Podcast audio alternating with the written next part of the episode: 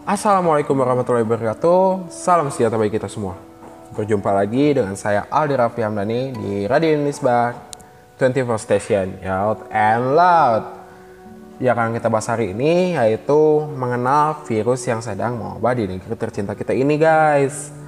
Dari pencari-pencegahan dan untuk diri kita sendiri dan keluarga kita sendiri yaitu virus COVID-19 atau lebih dikenal dengan coronavirus.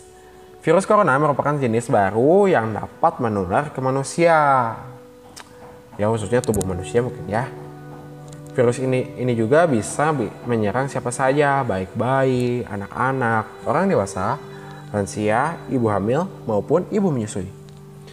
COVID-19 ini uh, atau lebih dikenal dengan coronavirus ditemukan di kota Wuhan, China pada akhir Desember 2019, virus ini menular ke wilayah Cina dan beberapa negara termasuk Indonesia nih guys.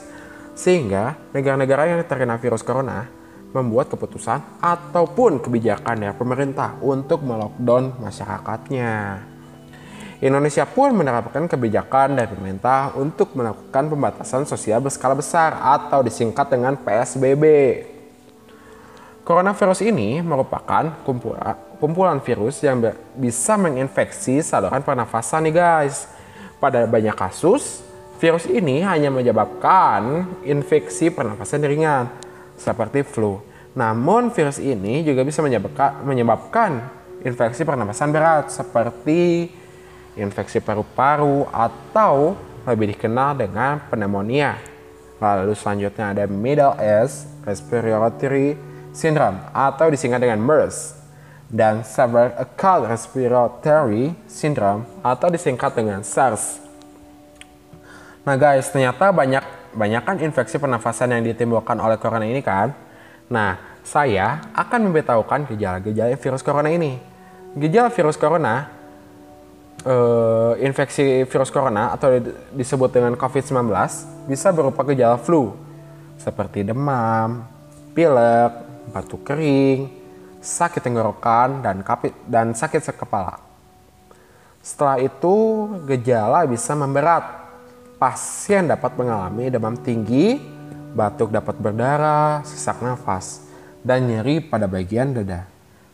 Mungkin kalau kita sesak kali ya. Gejala-gejala tersebut merespon atau muncul ketika tubuh sedang bereaksi melawan coronavirus tersebut. Namun secara umum, ada tiga gejala yang bisa menandakan seseorang terkena virus corona seperti demam, suhu suhu tubuh di atas 38 derajat Celcius, batuk, sesak napas. Serem banget ya guys, ternyata bisa membuat kematian juga loh guys dari virus corona ini. Di Indonesia sedang dana ladang gak jenazah akibat COVID-19 ini guys. Tetapi tidak sedikit juga yang sembuh. Jadi dalam bencana virus corona ini ada kabar baiknya, ada pun kabar buruknya. Di Indonesia khususnya para pekerja kantoran dan pelajar sedang dilakukannya kegiatan belajar dan bekerja di rumah saja nih guys. Pelajar da pelajar dalam proses pembelajaran menggunakan web yang sudah dibuat oleh masing-masing sekolahnya ataupun lewat media sosial lainnya untuk memudahkan siswanya menerima informasi, materi, dan tugas secara instan guna untuk tidak berkumpul kali ya. Nah, pada kesempatan ini saya akan memberikan cara mencegah COVID-19 ini guys. Guys, untuk mencegahnya dengan melakukan lima hal. Yaitu dengan cara tangan. Tangan harus selalu dicuci lebih sering ketika sedang di rumah apalagi baru dari luar rumah. Lalu ada siku untuk menutup mulut saat batuk karena agar tidak menyebarkan virus dan menghirup virus. Lalu ada wajah, jangan disentuh ya. Awas, takutnya ada virus yang menempel di tangan kita jika dari luar rumah. Jarak, jaga jarak aman ketika ada seseorang yang ingin mengobrol dengan kita.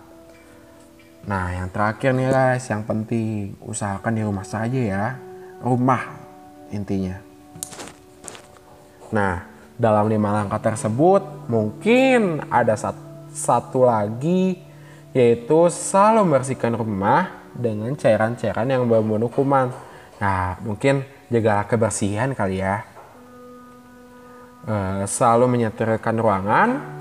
Setiap baju yang sudah dipakai harus dijemur di terik siang hari agar kumannya mati ataupun bisa juga dicuci. Nah guys, lalu ada lagi nih, yaitu selalu mencuci tangan atau kalau bisa mandi sesudah dari luar rumah sehingga kuman atau virus yang menempel di tubuh kita akan mati. Bisa mati juga guys. Selalu menyediakan sanitizer di rumah guna untuk selalu steril tubuh kita khususnya di bagian tangan kali ya agar uh, agar kita jika ingin uh, memegang sesuatu kita steril. Nah, lalu jangan kebanyakan keluar ya. Ingat Keluar boleh, tetapi hanya yang penting saja. Uh, ur mungkin urusan-urusan penting. Lalu jika sudah beres, uh, langsung pulang ya guys. Jangan ngumpul-ngumpul dulu dan selalu membersihkan diri setiap dari luar rumah. Nah, bagi para kaum rebahan, mungkin ini saatnya menjadi the queen of the rebahan. Karena rebahan sangat berguna sekali bagi keadaan seperti ini.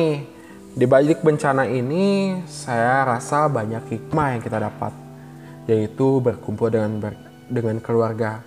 Mungkin dari kesibukannya kita, kita jarang sekali ya berkumpul dengan keluarga. Lalu uh, ada mengurangi polusi sehingga udara menjadi bersih. Lalu ada menghemat uang, mengurangi pemakaian kertas, dan yang lainnya. Banyak sekali hikmah yang kita dapat dari coronavirus ini. Nah guys, cukup sekian ya uh, informasi dari saya. Semoga bermanfaat. Tetap selalu ada di rumah untuk sementara ini. Saya pun sudah tidak tahan ingin bermain dengan dan berkumpul bersama teman-teman lagi. Be safety ya guys, sayang keluarga dan diri sendiri ya guys. Saya Aldi Rafli Hamdani izin undur diri. Tetap dengar radio 24 Station Unisba Bandung. Terima kasih guys sudah mendengarkan.